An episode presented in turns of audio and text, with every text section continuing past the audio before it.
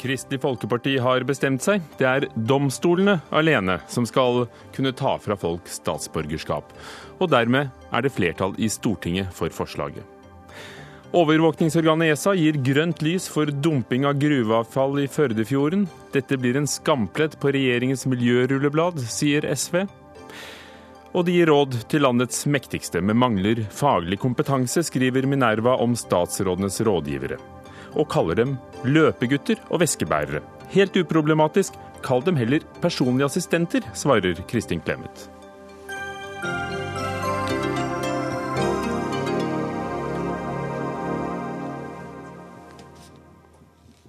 Mandag denne uken diskuterte vi her i Dagsnytt 18 saken til Mahad Abib Mahmoud, som har bodd i Norge i 17 år og er blitt fratatt statsborgerskapet. UDI mener han lyver om hvilket land han kommer fra, og slik loven er i dag, så er det altså Utlendingsdirektoratet som kan ta Mahads statsborgerskap fra ham uten rettskraftig dom. Allerede før jul tok representanter fra SV, Arbeiderpartiet, Senterpartiet, Venstre og Miljøpartiet De Grønne et initiativ om at det bare er domstolene som skal kunne frata noen det norske røde passet. Høyre og Fremskrittspartiet er imot, og dermed ble det opp til Kristelig Folkeparti å bestemme. Knut Arild Hareide, partileder i Kristelig Folkeparti. Dere har for noen timer siden landet på et ja til forslaget om at det er domstolene som skal kunne avgjøre disse sakene alene. Var det en enkel avgjørelse? Jeg vil si det var en relativt enkel avgjørelse. Eh, vi har jo nå hatt eh, en praksis som ble innført under de rød-grønne, eh, som blitt videreført under den blå-blå regjeringa. Men et statsborgerskap, det henger veldig høyt. Da er det naturlig at skal vi frata det, så bør det skje ved en dom i en rettssal.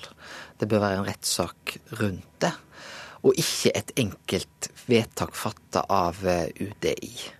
Ehm, så derfor så er vi på en måte med på oss. Dette er en, eh, alvorlig sak. Vi sikrer nå bedre prosesser for det.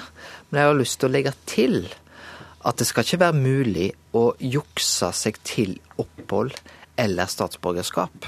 Så det er på en måte ikke noe av den substansen. Men vi sikrer nå en tryggere prosess for hvordan vi beslutter ta avgjørelser i den type saker. Og det tror jeg egentlig Eh, det burde vært et samla storting som eh, gikk for. Vi har jo levd med dagens regelverk eh, som har vært praktisert av UDI siden 2005. Hvorfor var det på tide, syns dere, å, være med på et forslag om å endre det nå? For det første så kan vi bare se opp til våre naboland som har bedre prosesser på dette. Eh, der en f.eks. Tyskland velger å gå til dom. I, I, noen land så er det ikke engang mulig å fratra eh, statsborgerskap i, i våre naboland. Så, så, det er nå et grunnlag for det. Jeg tror òg at det, det, det, å få bedre prosesser, det bør være riktig. Men KrF sa jo òg i dag at vi mener det med fri rettshjelp er naturlig. Vi vet jo det at hvis du skal tilbakekalle oppholdstillatelse i dag, så er det mulighet for å få fri rettshjelp. Det er òg en sak vi ønsker å være naturlig hvis det gjelder statsborgerskap. Så dette er jo selve prinsippene bak. Hvorfor har dette presset seg frem nå? Det, vi har jo hatt et regelverk på plass siden 2005 som har vært som i dag. Ja, dette kunne gjerne skjedd før. Det har jeg lyst til å si. Det er gode grunner for å gjøre dette. Eh, så det var jo et samla storting som gikk for denne prosessen en gang for, for ti år siden. Men jeg syns jo at eh, nettopp den dokumentasjonen vi har fått lagt fram nå, eh, så gjør det at det er naturlig å, å gå for dette. Det kunne gjerne skjedd før, men det er bra at det nå skjer. Helge André Njåstad i Fremskrittspartiet, du skal behandle denne saken som leder av kommunal- og forvaltningskomiteen. Hva synes du om Kristelig Folkepartis avgjørelse? Nei, jeg synes jo Det hadde vært mye bedre hvis man uh, først uh, hadde en høring i komiteen og fikk ulike faglige innspill der. Deretter en vurderer hva regjeringen mener om representantforslaget, og så ha en grundig komitébehandling. Og så fatte konklusjon i slutten av prosessen og ikke på dag én. Eh, så da reagerer jeg jo litt på at eh, ikke bare KrF, men at flere andre partier starter med konklusjonen, og så skal man gjennomføre en komitébehandling etterpå. Dette er et veldig komplisert eh, fagfelt. Statsborgerskap er viktig. og Da syns jeg Stortinget skal ha en grundig behandling. og Vi har allerede invitert til høring 9.2 i komiteen. og jeg håper jo at kommer det gode innspill i den høringen, så vil alle partier være villige til å se på hva syn man skal ha til slutt, sånn at ikke man låser seg opp med å først fatte konklusjonen, og så gjennomføre saksbehandlingen etterpå. Forslaget ble jo fremmet før, før jul. Allerede her i desember satt vi med Marit Arnstad fra Senterpartiet og statssekretær Brein Karlsen og diskuterte dette forslaget. Men, men, og da hadde ikke Kristelig Folkeparti bestemt seg. Tror du at Kristelig Folkeparti har, har latt seg eh, har fremskyndet prosessen pga. medieoppslagene? Er det det du sier, Njåstad? Nei, Nå sitter jo Knut Arild i studio, så jeg skal jo ikke mene noe på vegne av Kristelig Folkeparti, så du kan stille hans spørsmål om. Eh, men jeg håper at alle partier, og i alle fall Arbeiderpartiet, som iallfall tidligere var kjent for å være et parti som var eh, ryddig i forhold til hvordan saksbehandling skulle skje, eh, vil vurdere fakta når de kommer. Vi sender jo saken fra komiteen til regjeringen, sånn at Justisdepartementet kan svare opp hva konsekvenser dette får. Jeg håper at alle er mottagelige for fakta, og at Stortinget har en grundig og skikkelig behandling, og at ikke man har konkludert konkludert i forkant om hvordan det skal bli. Eh, og hvis man har Men du har vel konkludert, eh, Njåstad? Nei, jeg har ikke konkludert i det hele tatt, annet enn at eh, vi har levd veldig godt med den modellen som de rød-grønne styrte på i åtte år, og som denne regjeringa har styrt på nå i tre år, fordi den ivaretar rettssikkerheten til den enkelte, samtidig som vi kan ha en effektiv saksbehandling eh, og la UDI gjøre jobben sin med en armlengs avstand fra politisk ledelse. Eh, så vi har ikke noe grunnlag for å se på endringer, men når først det blir debattert i Stortinget, så vil vi lytte på de innspill som kommer, og vil både vurdere det nøye før vi kommer med en konklusjon i, i saken. Hareide, gjør du deg håp om å, å få med deg Njåstad og Fremskrittspartiet? Ja, og jeg syns det, det Njåstad sier nå er bra. At ikke bare Høyre og Fremskrittspartiet avviser dette forslaget, men sier at de ønsker å vurdere det. Det syns jeg er bra. Nå er forslaget fremma eh, kun for eh, to uker tilbake i tid. Så det er fremma i 2017. Eh, vi ønsker å gruppebehandle dette når vi gjør den type lovvedtak, forandrer lovene. Da skal stortingsgruppa til KrF være med og diskutere det. Det har vi fått gjort i dag. Og jeg opplever jo at alle de som har sett på dette forslaget, er jo enige om at dette medfører en bedre prosess. Så kan en diskutere kostnadssida ved det, men nettopp når det gjelder statsborgerskap, som er en så viktig og stor sak, så syns jeg det er naturlig at vi har gode prosesser som det ikke blir stilt spørsmål ved. Og jeg vil ikke engang utelukke at UDI òg er positiv til den eh, endringen som, eh, som kommer her. Men jeg tror alle er enige om at nå blir det kvalitativt bedre prosesser. De landa i en uavhengig eh, dom som, som, som, blir gjort på dette. Og det mener jeg det er riktig på et så stort og viktig spørsmål. Geir Toskedal, eh, stortingsrepresentant fra ditt parti, sa tidligere i uken at dette var en prosess som kom til å ta flere uker. Er det medieoppslag om, om denne mannen vi har hørt om som TV 2 løftet frem, som uh, mistet statsborgerskap etter 17 år og har god jobb og, og bygger hus osv., som har fremskyndet prosessen hos dere? Det har nok vært krevende for KrF at det stilles spørsmål til om vi ønsker å være med å sikre disse kvalitativt bedre prosessene. Det har aldri vært noen, Vi har ikke engang diskutert saken, så vi valgte, når stortingsgruppa vår var samla, å ta en beslutning på saken. Og fordi vi opplever det som veldig uproblematisk. Dette ville føre til, til bedre prosesser. Det skal ikke være mulighet til å jukse seg til opphold eller statsborgerskap, men at vi har bedre kvalitative prosesser med en uavhengig domstol, det mener jeg eh, er en gode. Og så har vi òg sagt da at vi ønsker å se nærmere både på eh, fri rettshjelp og foreldelsesfrister. Det vil være saker vi spiller inn nå i komiteen. Og når du sier foreldelsesfrist, betyr det at dere da i, i praksis går for en liberalisering? At det, at, at, at, det går an å, å være i Norge så lenge at saken blir for gammel? Ja, Vi ønsker òg at det skal være en problemstilling som nå komiteen eh, tar stilling til. Og Da må vi òg se mot kall det annen kriminell virksomhet, som òg har foreldelsesfrister. Det må være et samsvar mellom hva andre saker som har foreldelsesfrister, og denne problemstillingen. Der vet vi ikke engang om vi får flertall. Men det vil jo være et av de spørsmålene som eh, kommunalkomiteen nå vil få på sitt bord, fordi KrF ønsker å løfte den problemstillingen inn når vi nå behandler dette forslaget. Njåstad, ser du det som en liberalisering av dagens regelverk hvis, eh, hvis forslaget om foreldelsesfrist kom inn i bildet? Ja, jeg er veldig bekymra, men heldigvis er det ikke et flertall som står bak foreldelsesfrist, heldigvis. Arbeiderpartiet har vært tydelig på at det ikke er aktuelt. Og jeg anbefaler jo alle som er aktører her til, å gå inn og lese litt. Leser man bloggen til Frode Forfang i dag, f.eks., UDI-direktøren, så ser man jo at han forklarer hva type mennesker man gjennom annen politiaktivitet finner Eh, finner disse typer saker han har knytta til. Og vi må jo aldri komme i en sånn situasjon at eh, kriminelle utlendinger som har eh, løyet for å få komme inn i Norge og får statsborgerskap, skal bli værende eh, fordi at man har innført en foreldelsesfrist. Så, så det punktet er, er uaktuelt for oss å, å bevege oss i. Eh, og jeg er glad for at det er ikke flere partier som har, eh, har lagt det inn i forslaget. Så jeg, så jeg håper vi kan ha en god komitébehandling, og så lander dette på en god måte og en forsvarlig måte i Stortinget. Blir det et nederlag for regjeringen? For da har de jo nå stortingsflertallet mot dagens praksis som dere har snakket varmt for? Nei, vi har jo ikke det. fordi at eh, Forslaget er jo ikke entydig på alle punkt. Man sier at domstolene skal sterkere inn, eh, men allerede i dag så har man jo rettssikkerhet og mulighet til å ha en domstolbehandling på disse sakene. Eh, men man forteller ingenting. I forslaget er det domstolene som skal saksbehandle, eller skal UDI saksbehandle, og så skal domstolene gjøre vedtak. Det er mange ubesvarte spørsmål som vi òg stiller i denne prosessen. Og det kan jo hende at domstolene ikke har kapasitet og kompetanse til å gjøre en god nok jobb. I så fall så blir jo rettssikkerheten dårligere. Så nå tror jeg vi skal trekke pusten alle aktører, og så lytte på faglige innspill og på hva departementet sier. Og så ikke gjøre noe overilt som eh, svekker rettssikkerheten, eller gjør, det, eh, gjør oss en bjørnetjeneste med at de som ikke skal ha opphold og statsborgerskap i Norge, vil få det. For da er det vel ingen som ønsker at man skal jukse seg til statsborgerskap i landet.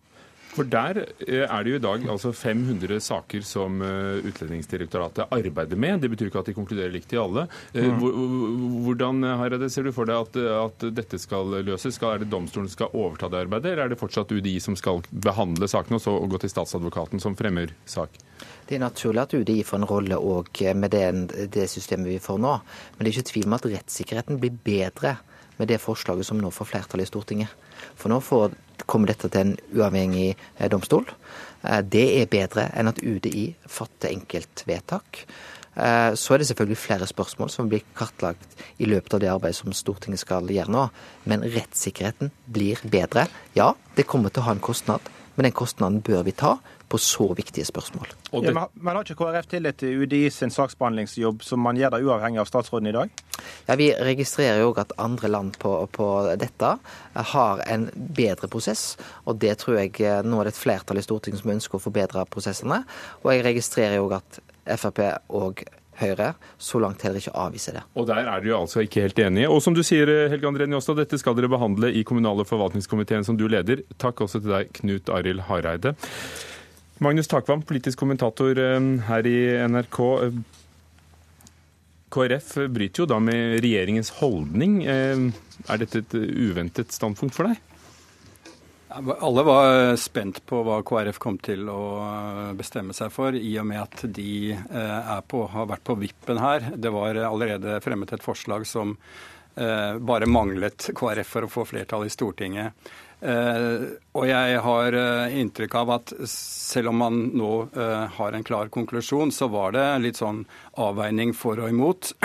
Blant annet at så ble det sagt i KrF at når man så at det tross alt dreide seg om såpass få saker for rettsvesenet, så ville ikke det argumentet om at det kom en eh, skal vi si, urimelig stor arbeidsbyrde inn i, i domstolsapparatet, være et gyldig argument etter deres mening. Så Derfor så, så landet de på, på, på dette.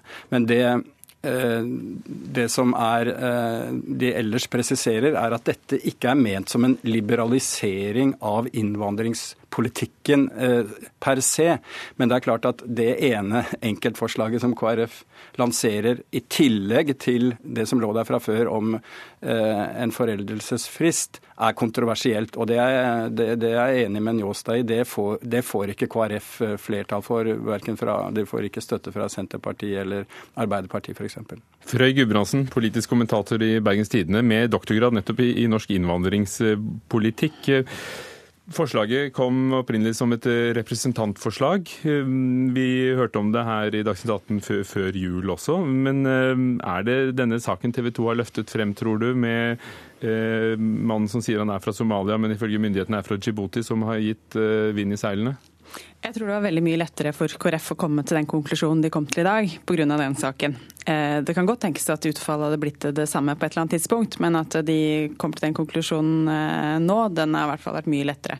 Eh, pga. den saken som har fått enorm oppmerksomhet i ja, både i mediene og sosiale medier de siste dagene. Hva kommer det til å si for tidligere asylsøkere? Så, så, så, hvis sak blir gjennomgått av Utlendingsdirektoratet? For det er jo altså 500 saker under arbeid nå.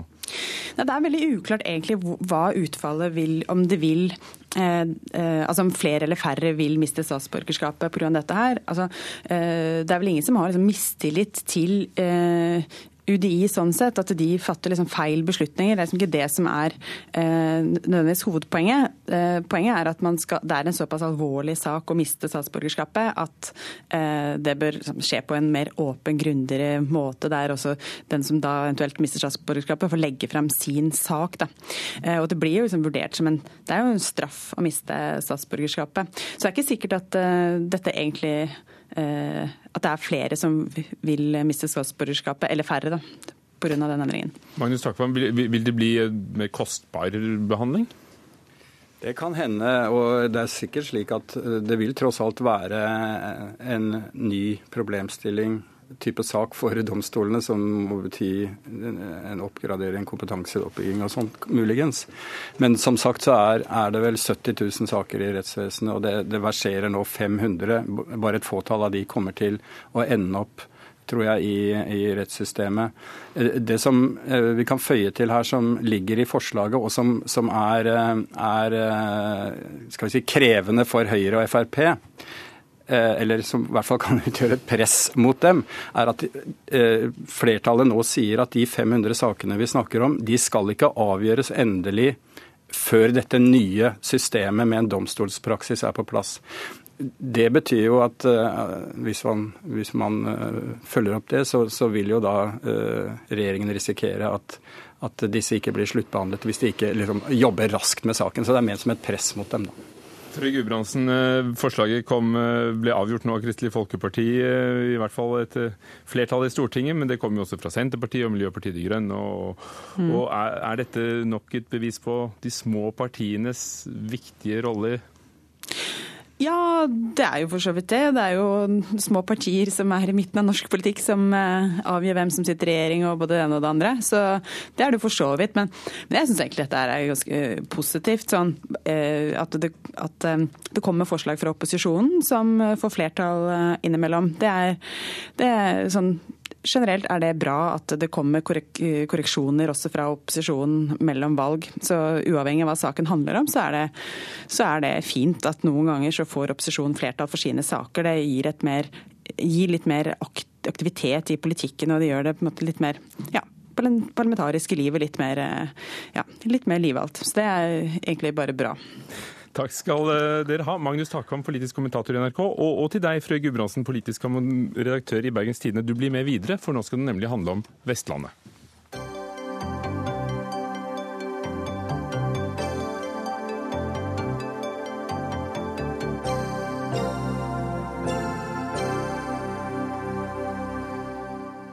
Og når vi sier Vestlandet nå, så er det ikke bare snakk om eh, området, landsdelen. Det er snakk om det nye storfylket Vestlandet som eh, ble klart i går, da Hordaland og Sogn og Fjordane bestemte seg for i hvert fall ønske å slå seg sammen. Så må det hele sikres politisk flertall. Det nye storfylket Vestlandet får imidlertid allerede kritikk. Eh, etter at det ble klart at eh, Rogaland stemte nei til å være med i det opprinnelige forslaget om en vestlandsregion, så er det da Hordaland og Sogn og Fjordane som står igjen uh, alene om å samarbeide. Og Helge André Njåstad, du er fortsatt med oss, eh, stortingsrepresentant fra Hordaland og Fremskrittspartiet, hvor du tidligere var ordfører i Austevoll kommune. Hvorfor har dine samfylkinger gjort noe dumt nå, mener du? Nei, Jeg mener jo ikke at de har gjort noe dumt, men jeg syns de var litt for raske å, å vende eh, og på en måte si at Rogaland eh, valgte å ikke være med videre. Og så gikk de kun til Sogn og Fjordane. Jeg syns at det er naturlig når vi skal investere store milliardbeløp i å bygge Rogfast og bygge Hordfast for å knytte Bergen og Stavanger tettere sammen med ett felles arbeid- og bymarked, så burde man gått noen runder til både fra Sogn og Fjordane og Hordalands side med å diskutere med Rogaland om ikke man skulle skulle lage noe som kunne vært en motvekt til det sentrale østlandsområdet. Skal det bli motmakt, så, så må, man, må, man, ha en størrelse som de tre fylkene da ville hatt. Derfor syns jeg at man var litt for rask å kun snakke de to i Sogn og Fjordane og Hordaland. Man skulle gjerne gått en runde til med Rogaland, syns jeg. Jenny Følling, fylkesordfører i Sogn og Fjordane fra Senterpartiet. Du har eh, vært med å jobbe iherdig for å, lage et nytt storfylke. I første omgang med Rogaland, og nå eh, bare sammen med Hordaland. Og til og med slåss med egne partifeller for å få det til. Hva er fordelene med det nye storfylket Vestlandet, for å begynne der? Eh nå er nå mitt engasjement ikke først og fremst fordi at eh, vi genuint har vært opptatt av et veldig stort Vestland. Men eh, engasjementet mitt har vært fordi at eh, Sogn og Fjordane er et fylke med 110 000 innbyggere. Og hvis det blir gjennomført en regionreform på om lag ti regioner, så vil ikke vi stå som fylke. Og derfor er vi med for å ha en hånd på rattet. Og da har vi starta med et bredt engasjement og snakka både med Møre og Romsdal, Hordaland og Rogaland. Og vi har utarbeidet en intensjonsplan både med de tre fylkene og med, med Hordaland. Og da syns jo vi at det er freidig av lederen av kommunalkomiteen å kritisere Vestlandet, som har gjort jobben. Og vi syns òg det er manglende respekt for eh, lokale vedtak. For eh, at Rogaland har begrunna sitt vedtak med at de ikke er levert opp på oppgave. Og nettopp nettopp det ansvaret ligger til regjeringa. Det er ikke levert oppgaver. Det ligger som en klart premiss i vår intensjonsplan òg, at det må leveres oppgaver og overføres makt og myndighet til større regioner hvis vi skal gjennomføre det. Så eh, eh Njåstad bør ta sjølkritikk på at det er ikke levert på oppgaver, for det er det som er med å velte eh, vedtakene i Rogaland. For Njåstad, fra regjeringspartiet Fremskrittspartiet, er det det at dere ikke har gitt dem nok å, å jobbe med, nok å gjøre konkret? For, for, for foreløpig i regionreformen er det jo bare løfter om at det kommer mer oppgaver? Ja, men nå må vi huske på at vi, vi gir ikke oppgave til fylkeskommunene for at fylkespolitikerne skal ha noe å gjøre på. Eh, vi gir jo oppgave eventuelt til fylkeskommunene fordi at de kan bli bedre for innbyggere eh, i framtida ved å løses der. Eh, det er viktig å ha det premisset på plass. Og så skjønner jeg ikke helt den argumentasjonen med oppgave. For det som har vært sagt veldig tydelig fra Stortinget, er jo at de skal få flere oppgaver som i dag Fylkesmannen løser. De skal få oppgaver på samferdselsfronten, de skal få oppgaver innenfor kulturfeltet. Og det er sagt sagt at de oppgavene skal de få eh, konkretisert i, i, vår. Eh, så hvis det er oppgavene man venter på detaljene på, man har fått de store linjene i fjor sommer, eh, så jo, burde man jo avvente da før man lukker døra igjen for Rogaland. da. Eh, for det vil jo komme en proposisjon i, før, før, påske som eh, forteller hva eh, detaljer av oppgaver man skal, skal, få, basert på den oppgavemeldingen som vi behandla i fjor sommer. Jenny Følling, Noe av kritikken her går jo på at dere ikke gjorde nok etter at Rogaland stemte nei. At dere ikke gjorde nok for å å, å ta en runde til? Eh, vi har respekt for eh, vedtak som de folkevalgte i Rogaland har gjort. Og, når de sa nei til intensjonsplanen, så sa fylkestinget både Sogn og Fjordane og Hordaland at vi vil utarbeide en intensjonsplan mellom de to fylkene. Det gjorde vi fordi at vi vil være et samla fylke som går mot sørover. Og vi finner oss ikke i å bli delt opp, sånn som Njåstad har vært med og tatt til orde for tidligere, at Sogn og Fjordane kan deles opp. Eh, og, vi stiller jo oss òg spørsmålet hvordan kan Njåstad si at Sogn og Fjordane og Hordaland blir for smått, når vi hører tanker om at Møre og Romsdal skal få lov å overleve. Eh, det er faktisk et fylke som blir over dobbelt så stort eh, i folketall, eh, og i ressurs, store på ressurser. Så vi, vi skjønner ikke argumentasjonen. Vi syns det er manglende respekt for lokale vedtak. Og jeg syns at regjeringa har én ting å gjøre, det er å levere på oppgaver. Det er det skal, sånn som jeg har forstått det, så skal en sette ned et ekspertutvalg til våren. og Det skal starte med å, å utrede noen oppgaver, så skal det komme en proposisjon i 2019. Det går for seint på oppgavesida. Og eh, hvis en mener noe med regionreform, eh, så må en levere på oppgaver. Det er ikke bare vi som mener. Det mener alle landets fylkeskommuner. Det mener fylkesordførerkollegiet, og det mener KS sitt hovedstyre, som har uttalt seg her òg. Så nå må regjeringa snart ta inn over seg at hvis en mener noe, så må en levere. Regjeringen eh, Helge André Njåstad, har jo eh, bedt fylkeskommunene sette seg i førersetet. Og, og, Jenny Følling sier at vi må ha hånden på rattet, og det har de gjort. Eh, men er det noe halvhjertet ved at dette her kom fra Stortinget? Det er ikke noe regjeringen har initiert selv. Dere gjør det regjering fordi Stortinget har bedt om det, og, og derfor er det ikke like, lokkes det ikke med like mange reelle ting som vil skape engasjement rundt nye regioner? Nei, Vi må ikke glemme at det er flere fylkeskommuner som har funnet sammen, i, i tillegg til Hordaland Sogn og Fjordane som har funnet sammen, men som, som, begge gjerne ønsker å bli enda større. Eh, så har trøndelagsfylkene funnet sammen, og man har òg funnet sammen i Agder. Sånn at det har jo skjedd en, eh, en bevegelse eh, på dette året her. Vi må huske at strukturen som vi har i dag, har lagt, lagt fast i 200 år. Så at, at, det skjer tre frivillige endringer på en struktur som har vært låst ganske i flere hundre år, må jo sies at dette her eh, eh, har gitt noe resultat. Eh, men igjen så er det ikke bare å flytte oppgaver til et, til et fylkeskommunalt nivå, med mindre vi kan godtgjøre at det vil bli bedre for innbyggerne. Derfor så skal dette gjøres grundig. Og vi har sagt en del oppgaver som Fylkesmannen har i dag, som skal ned. Men det virker som at man sjøl hva oppgaver vi peker på og vi vil flytte ned, så sier man at vi har ikke fått avklart oppgavene. Så jeg syns det blir litt, litt, for tynt av, av Jenny å hele tida dra opp dette. Vi har sagt at de skal få flere oppgaver. Så har vi sagt på at når strukturen er på plass, så skal vi sette ned et ekspertutvalg som skal se på ytterligere oppgaveflytting. Men, men, og så kommer det en proposisjon før, før påske, faktisk. Men, men, apropos det med størrelse. altså Hvis Møre og Romsdal er stort nok, hvorfor er ikke da det kombinerte Hordaland og Sogn og Fjordane slagkraftig nok? i dine øyne? Jo, det er slagkraftig nok eh, sammenlignet med andre regioner. Det jeg har sagt er at det blir ikke slagkraftig nok dersom man får en millionregion på Østlandet. Skal man ha en motmakt, så, så ville vil jeg ideelt sett at Vestlandet hadde vært like stor. Eh, det er I den sammenhengen jeg syns det blir for smått. Eh, men sammenlignet med alle andre regioner i Norge, så vil jo Vestlandet med Hordaland, Sogn og Fjordane bli en veldig stor region, og nesten like stor som Oslo er i dag. Så, så det er klart at det blir en stor region, men det kunne blitt enda større og enda mer kraftig hvis hele Vestlandet hadde gått sammen. Det er den eh, tanken som eh, som Jenny Følling og som Anne Gine Hestetun har jobba godt med, som jeg syns at de eh, kunne jobba enda litt mer med, fordi at det da ville vært en skikkelig kraft i Norge hvis Vestlandet hadde stått samla. Ja, Jenny Følling, blir det, blir det store nok? Blir det kraftig nok i forhold til eh, makten i Oslo? Vi er jo store nok som vi er, ut ifra de oppgavene som vi kjenner i dag. Eh, men eh, så, så det som jeg syns mangler, det er oppgave. Og, og, den som på mange måter har eh, ja, gjort at dette prosjektet har variert, det er jo Frp i Rogaland, som satt på vippen og stemte nei pga. manglende oppgave. Men òg Frp i Sogn og Fjordane og Hordaland har vært enige om da at vi utarbeider en intensjonsplan med de to fylkene. Men handler det bare om oppgaver? Handler det ikke nettopp om dette å ha, eh, være, eh, ha en tunge på vektskålen når eh, viktige regionsaker skal fremmes? Veiutbygginger, næringspolitikk?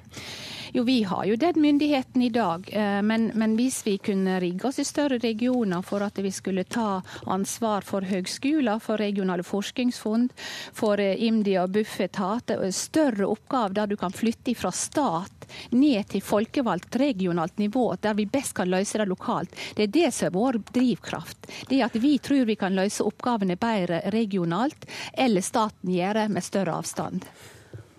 Helge André Njåstad og Jenny Følling, jeg takker dere av der, for vi skal også snakke med kommentatorene. Vi skjønner at eh, når det gjelder det med oppgavene, er dere ikke enige. Altså Njåstad, stortingsrepresentant fra Frp, og Jenny Følling fra Senterpartiet, fylkesordfører i Sogn og Fjordane. Lars Helle, sjefredaktør i Stavanger Aftenblad. Spiller eh, Rogaland høyt når de har sagt nei til å være med i eh, et nytt sammenslått vestlandsregion? Eh, på mange måter går det an å si det, for det, plutselig så står Rogaland igjen eh, med svarteper, og kanskje uten noen av de oppgavene som andre får, osv.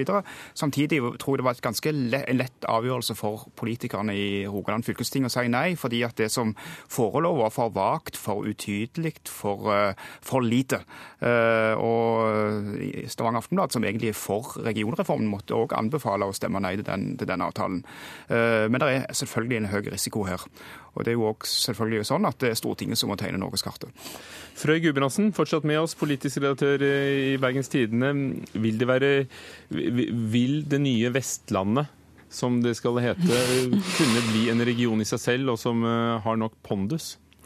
Altså, det blir jo virkelig ikke det samme. Altså, når det er bare da Sogn og Fjordane og Hordaland, det er altså en helt annen altså For liten kraft sammenlignet med det Vestlandet man kunne fått, med Rogaland også. Og det er klart det å ha eh, Bergen og Stavanger i samme region ville gitt, ja, eh, ville gitt veldig mange fordeler. Um, og klart hvis det blir noen større regioner også på Østlandet, så, så er det veldig synd. Men jeg tenker at dette er, dette er, fint, så lenge dette er første, første skritt. Da er helt sikker på at døren kommer til å stå åpen for Rogaland eh, seinere også, og at dette er liksom ikke noe som blir Tross alt har det gått ganske fort. Sånn at eh, det kommer til å komme flere runder og flere muligheter her, det er jeg helt sikker på. Lars Helle, har de prøvd hardt nok, de tre vestlandsfylkene? Uh, nei, det har de nok ikke. Jeg tror at De tre fylkesordførerne gjorde en tapper innsats i høst og de kom fram til denne avtalen. og Jeg tror ikke vi skal kritisere de for at de ikke har tatt uh, oppgaven uh, alvorlig nok. Men det kan være at, at når dette skar seg før jul, så, så, skulle de satt seg sammen, kanskje utvide gruppene litt. Kanskje burde regjering og storting involvere seg litt mer enn, en det Njåstad gjør nå, med å nærmest si at de ikke har prøvd hardt nok. og så burde de òg tenkt litt videre enn, en akkurat dette med oppgaver. Det handler ikke bare om å få oppgaver fra staten, det handler også om å ta til en rolle. F.eks. innenfor de viktige næringene som, som kjennetegner alle disse fylkene. Innenfor uh, maritim uh, industri, innenfor havbruk, innenfor petroleum og etter hvert innenfor fornybar og landbruk. Uh, det er klart at Her ville de hatt blitt en, en stor og viktig kraft. Og når disse samferdselsprosjektene som Njåstad nevnte, Rogfast og Hordfast kommer på plass, så, blir det et boligmarked, et arbeidsmarked på strekningen eh, Stavanger-Haugesund-Bergen. Frøy Gudbrandsen, dette er jo en av de store debattene, nemlig, nemlig den fergefrie forbindelsen eh, langs eh, kysten mm. for tiden. Når den står der, tross protester, tross krangler, vil den nye geografien også forandre politikken?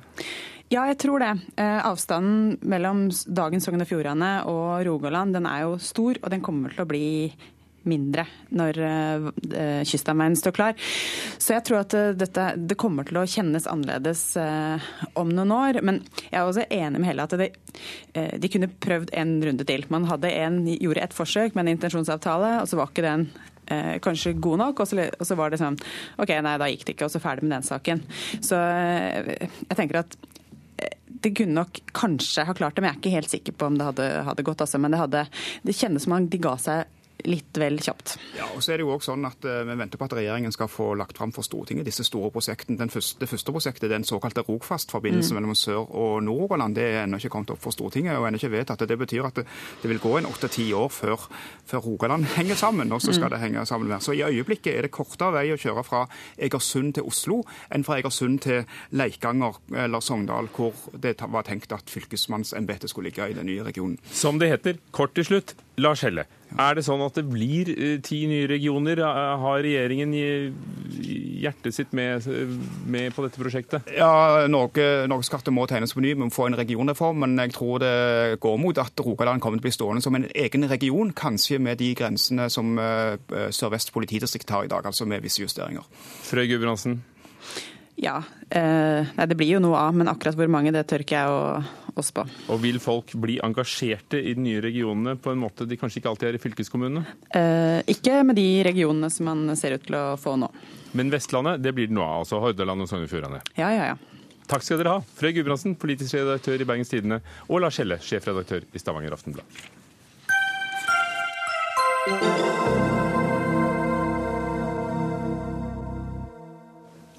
Det skal handle om universitetene. Styres universitetene også her i landet mer og mer som en butikk? Mister de frihet og blir de et slags akademisk eh, AS? Eller er dette en utbredt frykt mot eh, kommersialisering og markedsretting eh, som er ubegrunnet og bygget på alt annet enn fakta? Debatten har gått som bare det i Aftenposten de siste dagene. Dag Hesen, professor i biologi ved Universitetet i Oslo. Dette begynte med at du skrev en kronikk der du betakket deg for utviklingen, eh, og du mener universitetene svekkes. Ja, ja, du kan jo eh, si det selv. Hva er det som er i ferd med å skje, syns du? Der, ja, utgangspunktet mitt var en leder i Nature, som eh, er en ledende journal, vitenskapsjournal, som satte fingeren på noe som veldig mange av oss har observert lenge. At det er en dreining i retning av økt forventning om kommersielt press eh, også ved universitetene, og også en eh, hva skal vi si, et mer instrumentelt syn på forskningen. Og du skrev, og hvis ja. vi tar litt påstand for påstand, for det er, det er det dere har drevet med i spaltene. En stadig større del av universitetenes økonomiske insentiver er knyttet til produksjonen av publikasjoner, studiepoenger, studenter, master- og doktorgrader. Kan du underbygge dette som den forskeren du er med tall og fakta? Det spørs hvilket tidsperspektiv man ser det over, men at insentivordningen kom nettopp for å øke gjennomstrømningen, kom jo dels som en følge av eh, store studenttilstrømninger og et ønske om å korte ned studenttiden og effektivisere det. og jeg har ikke noe mot insentivordninger som sådan, men det er klart dette er en viktig del av universitetets økonomi. Det er ikke den avgjørende delen, men det er ofte der det frie spillerommet er. Eh, og det gjør det jo eh, lukrativt, selvfølgelig, å ha store kurs, rask gjennomstrømning og et fokus på kvantitet. Og, og, det er blitt mer av det? Ja, det var jo et, det spørs det. alt hvilket tidsperspektiv man regner men det kom jo som en, kom jo som et, eh, en ny ordning for noen år tilbake. Kyrre Lekve, du er den andre debattanten, viseadministrerende direktør i forskningslaboratoriet Simula, som er en IT-forskningsorganisasjon eid av Kunnskapsdepartementet. Og så har du vært eh, statssekretær eh, i Kunnskapsdepartementet for SV. Du har svart eh, Dag Hessen med tittelen 'Postuniversitetsfakta fra Hessen', og du beskylder ham for å opptre postfaktuelt, altså som en av dem det er snakk om noen som ikke bryr seg om fakta. Hva syns du om den påstand nummer én, om at insentivene fordreier akademia? Nei, altså det er jo sånn at Hesten underbygger sitt syn med veldig presise påstander. Og hvis du ser på et tiårsperspektiv, så er det ikke dekning for påstandene hans. Det er ikke støtte i tallene. Hvorvidt det er et uheldig eller et kvantitativt insentiv han snakker om, det er strengt tatt ikke poenget her. Poenget er at han bruker eh, påstander som er helt presise, som han ikke har støtte av i tallene. Tvert imot er det sånn at over de siste ti årene har denne disse insentivene som det er snakk om, det har blitt mindre av dem. Ja, Dette blir litt som å diskutere altså Hvis du har en global oppvarming, så finner du en tidsepoke hvor temperaturen synker, og så sier du vi går mot en global avkjøling. At insentivene er kommet som et virkemiddel eh, i denne sammenhengen er det ingen tvil om. Eh, jeg husker ikke akkurat når de ble innført, og det er nok riktig at akkurat de siste årene har ikke dette vært eh, Eh, en fremtredende rolle at det har vært en, en økning i det. Men uh, dette er bare ett av veldig mange trekk vi ser i tiden. Du, du skriver om um, innovasjon, som, uh, altså uttrykk innovasjon i anførselstegn, innført av Kunnskapsdepartementet som en fjerde hovedaktivitet i tillegg til forskning, undervisning og formidling. Hvor står det? I universitetsloven så kom dette i 2002-2003. Ikke som en slags eh, lovpålagt eh, embetsplikt kan vi si, til enkeltforskerne, men til universitetene som sådan. Og dette er eh, en oppfatning som mer enn jeg, flere enn jeg har, at vi nå har en fjerde embetsplikt.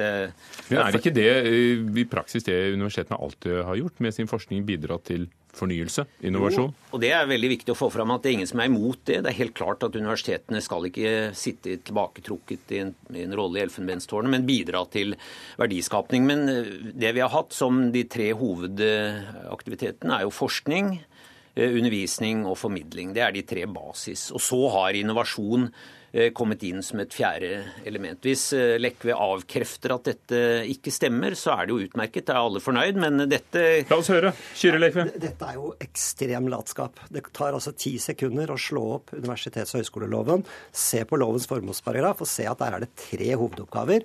Akkurat som Hesten sier, undervisning, forskning og formidling. Dette er veldig latskap. Og det er noe av problemet her.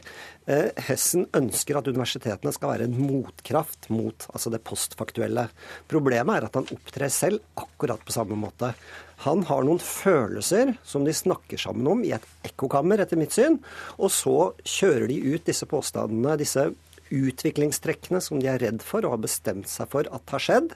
Og så kaster de på mange påstander som de ikke har dekning for. Har det ikke skjedd, denne utviklingen? Altså, Av de åtte beskrivelsene Hesten har i sin opprinnelige eh, kronikk, så mener jeg at seks av dem er direkte feilaktige eller svært upresise. Du kom med en påstand om at eh, noen av forandringene i universitetene, som styrer med eksterne medlemmer og, og, og premiering av produksjon av, av studiepoeng også, kom fordi universitetene ikke greide omstillingen fra eliteutdanning til utdanning for massene. Kan du begrunne den påstanden? Ja, at de ikke greide den? Det spekulerer jeg, spekulerer jeg. Jeg, påst, jeg sier eh, og viser jo her at det har vært en stor studenteksplosjon eh, over mange år. Og så fikk vi jo da hele kvalitetsreformen uten at universitetene stilte seg i spissen for det. For det at eh, konklusjonen i Hessens kronikk er jo at eh, de klarer å reformere seg fra innsiden. Og det mener jeg også er en tvilsom påstand, for de store reformene som har kommet de siste 30 årene, har blitt påført universitetene utenfra fordi de har manglet evne til å reformere seg selv innenfra. Ja, jeg syns det er en absurd påstand, og det er vanskelig å ta dette seriøst. Altså, Lekve kommer jo med flere påstander. For det første så mener han jo at eh, man kan ikke uten videre ta, akseptere at universitetene har vært med til eh, intellektuell innovasjon gjennom århundrene. Det i seg selv er en absurd påstand. Så avfeier han fullstendig uten belegg at det har skjedd en dreining i retning av økt forventning om innovasjon. Ennå dette står krystallklart i de fleste forskningsprogrammer, både norske og Eh, og de europeiske.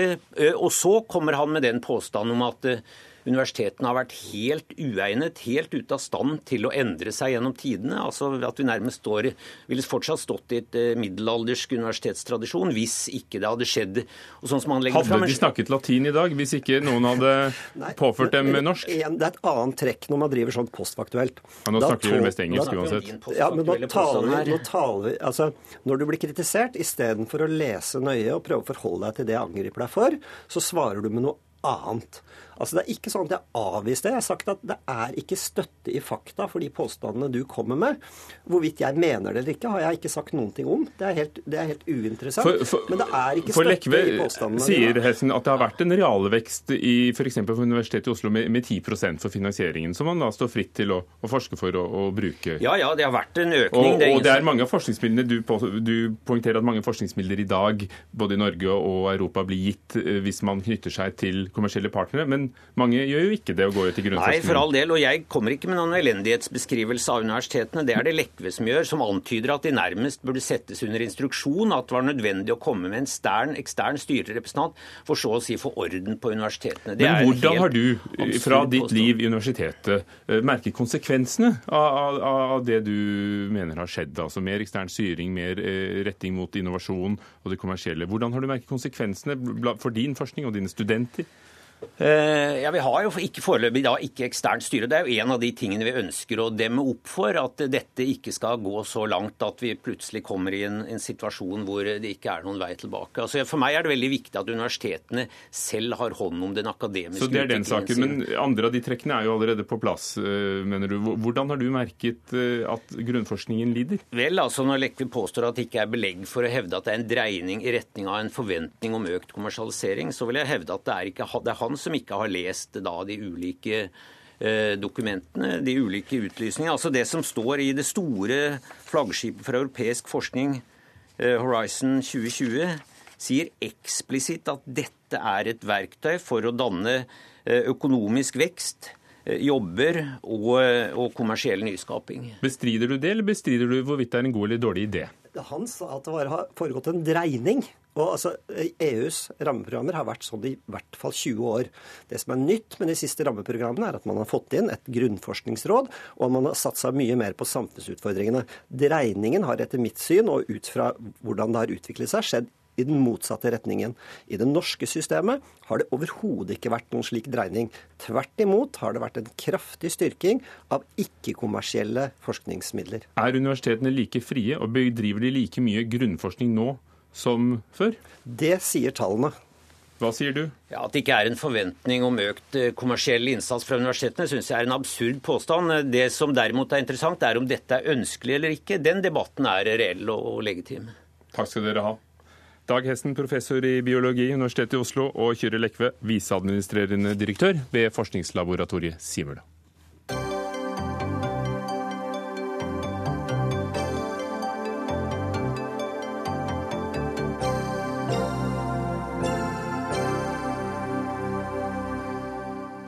Miljøvernerne nådde ikke frem med sin bønn til EU-systemet om å stanse gruvedumpingen i Førdefjorden. Det var EFTAs overvåkningsorgan ESA som har avfeid de tre klagene om at uh, tillatelsen om deponi av gruveslam i Førdefjorden skulle stride med EUs vanndirektiv. Dermed får selskapet Nordic Mining dumpe gruveslammet sitt i Naustdal kommune i Sogn og Fjordane fordi de skal utvinne mineralet rutil, som visstnok har mange gode bruksområder. Heikki Holmås, eh, dette var vel da spikeren i kista når det gjelder denne saken. Eh, og likevel mener du at eh, dette er en skampelett for Norge, og har du gitt opp kampen?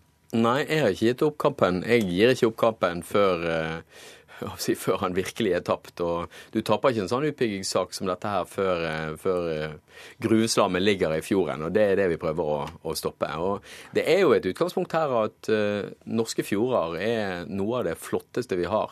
Det er det som trekker turister til Norge. Det skaper verdier for milliarder av kroner. Eh, både ved de tingene vi kan klare å høste ut av det gjennom turistnæring og laksefiske, men også andre ting som eh, oppdrettsnæring og alt det som eh, det gir i tilknytning. Alt dette står på spill når altså regjeringen, som en av de få landene i verden, sier ja til å bruke fjordene våre som avfallsplass. Det syns jeg er en skamplett på miljøregnskapet til regjeringen. Bjørn Lødemel, medlem av kommunal- og forvaltningskomiteen fra Sogn og Fjordane og Høyre. Du er fornøyd i dag? Jeg er veldig glad for at vi har fått eh, at ESA har godkjent eh, både den eh, saksbehandlinga som har vært i, i regjering, og slått fast at det ikke er i strid med vanndirektivet. Det, det, er viktig, og det er ikke nødvendigvis så veldig overraskende. For det har vært en veldig grundig behandling i regjering. De har hatt både Klima- og miljødepartementet, Kommunaldepartementet og Næringsdepartementet har gjort en svært grundig jobb, og nå har en fått støtte i forhold til i forhold til at det, at det er innafor. Men det har ikke vært noe enkeltsak heller, ikke lokalt. Nei, det... Eh, men, men, men, hvorfor mener du likevel at dette er en god ting? Altså, Jeg tykker det er veldig viktig å kunne satse på mineralnæringa. Det viser at hvis vi skal gjennomføre det grønne skiftet, så er mineraler viktige for å få det til. Mineralnæringa er viktig eh, i det bildet. Men jeg vil også si at det, dette her er snakk om 5% av Førdefjorden. Det er snakk om 4,4 kvadratkilometer. Det er det området som skal, skal, brukes til deponi. Det er snakk om å bruke 150 meter av en fjord dybda i en fjord som er 300 meter, slik at det er et veldig begrenset område. Og arbeidsplasser. Det er snakk om 300 arbeidsplasser lokalt, 500 på nasjonalplan. Det er snakk om 500 millioner kroner i verdiskaping nasjonalt. Det er snakk om investeringer på flere milliarder kroner. Sogn og Fjordane trenger disse arbeidsplassene. og Derfor så har både Sogn og Fjordane fylkeskommune, Fylkesmannen i Sogn og Fjordane, kommunene i Sogn og Fjordane sagt at vi ønsker å gjøre dette. her. Men det var kamp lokalt? Det var kamp lokalt, og det aksepterer jeg. og uh, Jeg er jo litt skuffa over at Holmås nå vil fortsette kampen. Jeg mener han bør egentlig gjøre det motsatte. Han bør egentlig påvirke nå at den utbygginga som skjer, skjer på mest mulig forsvarlig måte. Og også at en jobber nå med å kunne, kunne, bruke de avgangsmassene på en god måte, slik at det faktisk eh, blir positivt. Holmås, eh, Miljøvernet har tidligere fått bøter i millionklassen for å ha lenket seg fast i anleggsmaskinene. Eh, Natur og Ungdom sier at de gir heller ikke opp. Men hvordan tenker du da at den kampen skal fortsette? For nå har altså ESA fastslått at saksbehandlingen er i orden, og, og vanndirektivet er overholdt. Vi har altså ikke gitt opp. og dette viser jo bare... Jo, jo, det skjønner jeg, men hvordan? Jo, det er det jeg sier. Vi har altså ikke gitt opp fordi at det at man ikke vinner frem i, i ESA, viser jo bare at dette er en nasjonal miljøsak som vi er nødt for å vinne nasjonalt. Og her er motstanden stor. Og jeg syns jo det er rart at Bjørn Ledemel eh, trekker frem næringsinteressene. Fordi at uh, Hvis du ser på hva det er næringsinteressene i Sogn og Fjordane sier, de som lever av turistnæringen, de som lever av uh, de rene fjordene i Norge, de som lever av at naturen som de alle sammen høster av, og som de dyrker i, sånn som oppdrettsnæringen, som altså eksporterer og har omsetning for milliarder av kroner, så sier de denne gruvedumpingen det er en trussel mot vår virksomhet. Og Da snakker du altså om å true de arbeidsplassene som finnes, i håp om at uh, nye arbeidsplasser som skal komme i forbindelse med utbygging, og som ødelegger det lokalsamfunnet i Vevring, skal skape vekst og. Og vet du hva? Da mener jeg bare sånn Vi skal ikke bruke fjordene våre som avfallsplass og drepe fjordbunnen i hele den tiden. Den, hele Her står jo fagfolk mot fagfolk. Som dere ser det, er det Du har forskjellige institutter som har uttalt seg forskjellig om hvorvidt dette er negativt for Ja, Miljøinstituttene har vært ganske entydige negativt til dette. Altså, det, det, altså, den rød-grønne regjeringa behandler dette her, og i 2012 så var den omtrent ferdig i, i regjering i forhold til forurensning. og den, Det som de ønska å ha oversikt over, var spredningsfare. Og Den spredningsanalysen den kom i 2013, og den viser at det er ikke spredningsfare i forhold til det som skal ut i fjorden. Og Det betyr at en kan faktisk leve hand i hand, både næringslivsnæring, havbruk og den nye mineralnæringa for å få, skape verdier på Bjørn alle områder. Dette er jo en nasjonal laksefjord som Stortinget har opprettet fordi det skal ta vare på fiskestammene og, og, og laksen som eh, nasjonalarv. Mm. Altså, jeg er jo en ivrig ja, laksefisker sjøl. Jo, jo, jeg er, og jeg er jo en ivrig laksefisker sjøl. Men alle de utgreiingene som har blitt gjort, bl.a. av Klima- og miljødepartementet og alle departement som har vært inne i saka, viser at konsekvensene, negative konsekvenser er ikke det. Jeg er, helt sikker, jeg, jeg er helt sikker på at når en kommer i gang med den, den utbygginga som en ønsker å komme i gang med her, så vil en også finne løsninger på de negative konsekvensene. Slik at, Men- men slik at dette er her. Jeg mener dette her er fullt ut forsvarlig. Den ESA-behandlinga viser at, at sakshandsaminga har vært forsvarlig.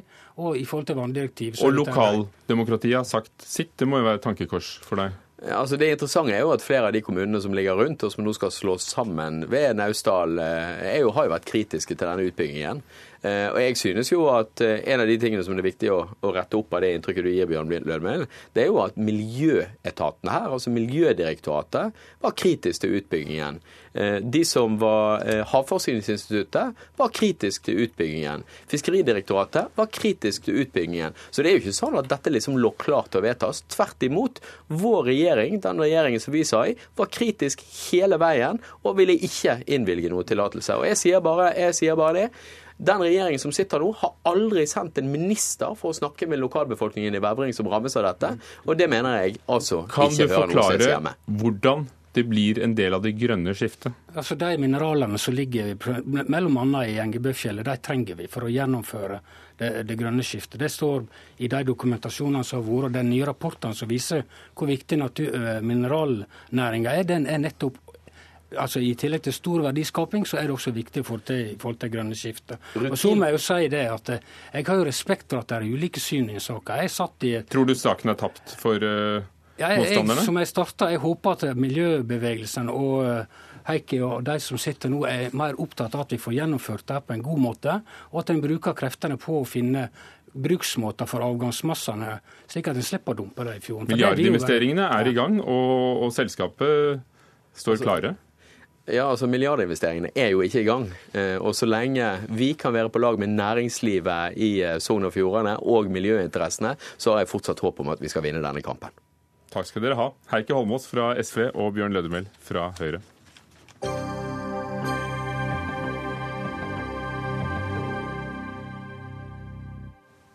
Politiske rådgivere.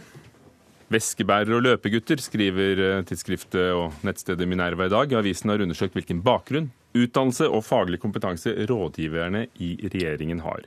Bare fem av statsrådenes 18 rådgivere har erfaring som er direkte relevant for det området de arbeider med. Lars Akerhaug, journalist i Minerva.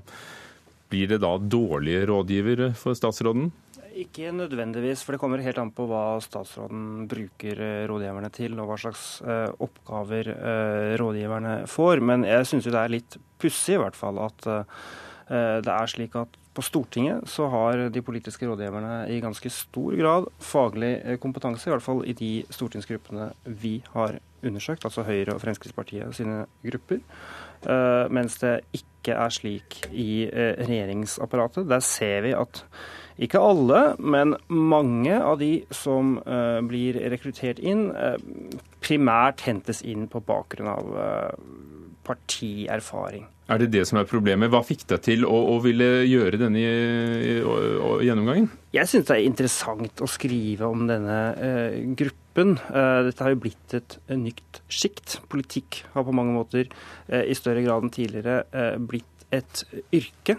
Og vi ser at denne gruppen, det er en gruppe mennesker som har en ganske en, på mange måter ensartet eh, og lik eh, bakgrunn. Og da er det i hvert fall eh, bør vi i hvert fall, og det tenker jeg det bør vi diskutere, for vi vet jo at mange av disse også kommer til å bli folkevalgte, og kanskje statsråder i eh, fremtiden. Kristin Clemet, eh, daglig leder i Tankesmien Civita, tidligere statsråd, tidligere rådgiver. Hva kan vi forvente mer av rådgiverne enn i dag? Mer enn den politiske erfaringen? Nei, altså eh, Politiske rådgivere Jeg kan være enig i at uh, kanskje er en tittel som kan gi litt feilaktig eh, eh, Altså at man får litt feilaktig inntrykk av hva de egentlig gjør. Men eh, jeg syns det er helt feil å, å kritisere dem eller reise spørsmål ved at de ikke har den fagkompetanse som er knyttet til departementet. For de har jo i høy grad relevant kompetanse allikevel. Man skal huske på at en statsråd har veldig veldig mange arbeidsoppgaver som ikke er knyttet til departementet. Det dreier seg om sånne ting som å holde kontakt med partiet, det er å reise rundt og holde foredrag for partiet, holde uformell kontakt med stortingsgruppen, skrive foredrag til et landsmøte f.eks. Holde kontakt med pressen og mer partiorienterte ting. Og det bruker man ofte politiske rådgiver til. Så der er det ofte mer relevant å ha en bakgrunn nettopp fra politikk og kjenne partiet, mer enn kanskje å ha fagkompetansen. Hva burde de hett da? Den politiske rådgiveren har ingen rolle i departementet. Skal, han eller hun skal sees, men ikke høres, og har ingen selvstendig instruksjonsmyndighet. Nei, det er på en måte en, Man kan si at det er en slags personlig assistent for uh, statsråden. Og Sammenligningen med Stortinget er nesten irrelevant. fordi at eh, Selv om de også heter politiske rådgivere, så er ikke de eh, knyttet til eh, en bestemt stortingsrepresentant på den måten som de assisterer. De er faglige rådgivere på en helt annen måte. og Derfor er det relevant at de har faglig kompetanse på de områdene de, de har ansvar for. For Dette er jo stillinger Lars Akkerhaug, som er da håndplukket av politikerne for å gi den støtten de trenger. Og, og så er det kanskje ikke så mye politisk rådgivning, men det er det vel en fin skole, da, er det ikke det? Eh, jo, helt eh, åpenbart. Eh, men det som er litt eh, Som i hvert fall er verdt å reflektere over, det er at vi ser at eh, veldig mange av disse rådgiverne har en så ensartet eh, bakgrunn. de kommer fra partiorganisasjonene. de er veldig unge. De har ofte lite yrkeserfaring. ofte heller ikke fullført utdannelse. Så det kan i hvert fall eh, kanskje se ut til at det å liksom bli politisk rådgiver, det er et sånn første skritt eh, i, videre i en politisk yrkeskarriere, hvor du kanskje eh, hopper innom et PR-byrå i noen år før du stiller på stortingsliste, og så havner i regjering igjen. du, du, du får det til å høres ut som en episode av den danske TV-serien Borgen? Ja, og det er kanskje litt sånn også, i hvert fall at vi er på vei dit, selv om man selvsagt ikke skal overdrive dette problemet. Det finnes større samfunnsproblemer i Norge. Men, det er vi sikkert enige om. Dette, dette er, ikke, dette er overhodet ikke uviktig. En statsråd har det veldig hektisk og har behov også for eh, assistanse som ikke er direkte knyttet til det faglige departementet. Man har jo mange hundre mennesker i departementet som gir faglige råd, så det er det jo ikke noen mangel på. Og I tillegg så har man en statssekretær som kan operere på statsrådens vegne, og har på en måte instruksjonsmyndighet innad i, i departementet eh, på mer eh, generell fullmakt. Så når du sier at de kommer fra mange av bakgrunn fra ungdomspartiene eller fra partiorganisasjonene, så kan det være veldig relevant kompetanse for disse rådgiverne. Er det politikerfabrikken blitt? Ja, altså vel, jeg ville være mer opptatt av nominasjonsprosessen i partiet enn akkurat dette. Jeg kikket i dag på fordi jeg skulle hit og hørte at uh, Lars mente at dette var en lett vei videre. Men av de ca. 75 statssekretærene som Solberg-regjeringen har hatt, eller har, så fant jeg bare en eh, fem, seks, syv som er statssekretærer i dag, eller er blitt statssekretærer, som tidligere har blitt, vært politiske rådgivere i, under Solberg-regjeringen. Så er det altså ikke noe automatisk opprykk her i det hele tatt. Eh, men jeg er enig i at eh, det å se på rekrutteringen til politikk rent generelt, det er jeg enig i at det er viktig. Da burde man se på nominasjonsprosessene. Og noe annet man kunne se på, det er jo mengden av rådgivere i Stortinget. For det har økt helt enormt. Altså jeg var rådgiver der, jeg beklager det, en gang på, tidlig på 80-tallet. Mm, og da var vi ca én rådgiver per ti stortingsrepresentanter. I dag er det vel ca. én til én en rådgiver per stortingsrepresentant. Antyder du at de ikke trenger så mange?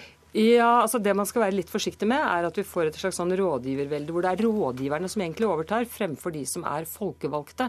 For det er tross alt stortingsrepresentantene som er valgt av folket, og som er sjefen, ikke rådgiverne. Men det er altså på Stortinget. Akkurat du tok for deg regjeringens. Dette er en øvelse som uh, journalister gjør med jevne mellomrom. I Aftenposten gjorde, gjorde, gjorde, de det i 2012. Stoltenberg-regjeringen uh, var på plass da. Der hadde tre av fire rådgivere aldri hatt såkalt vanlig jobb. De hadde jobbet i akademia og politikk.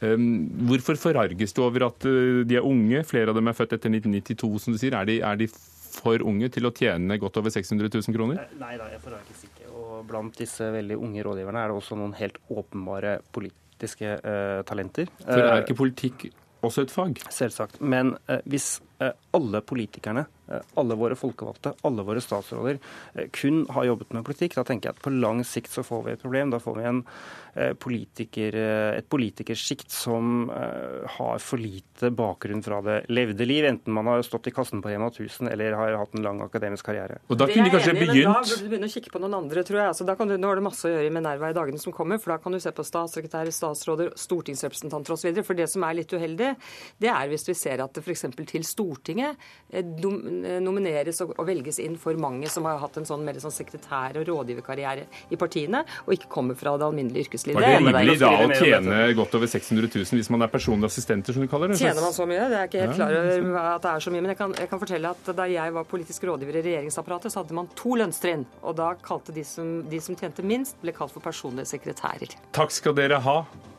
Lars Aker fra Minerva og Kristin Clemet. Programsekretær i dag var Ugo Fermariello. Fredrik Lauritzen var produsent og Finn Lie programingeniør. Dette er NRK P2.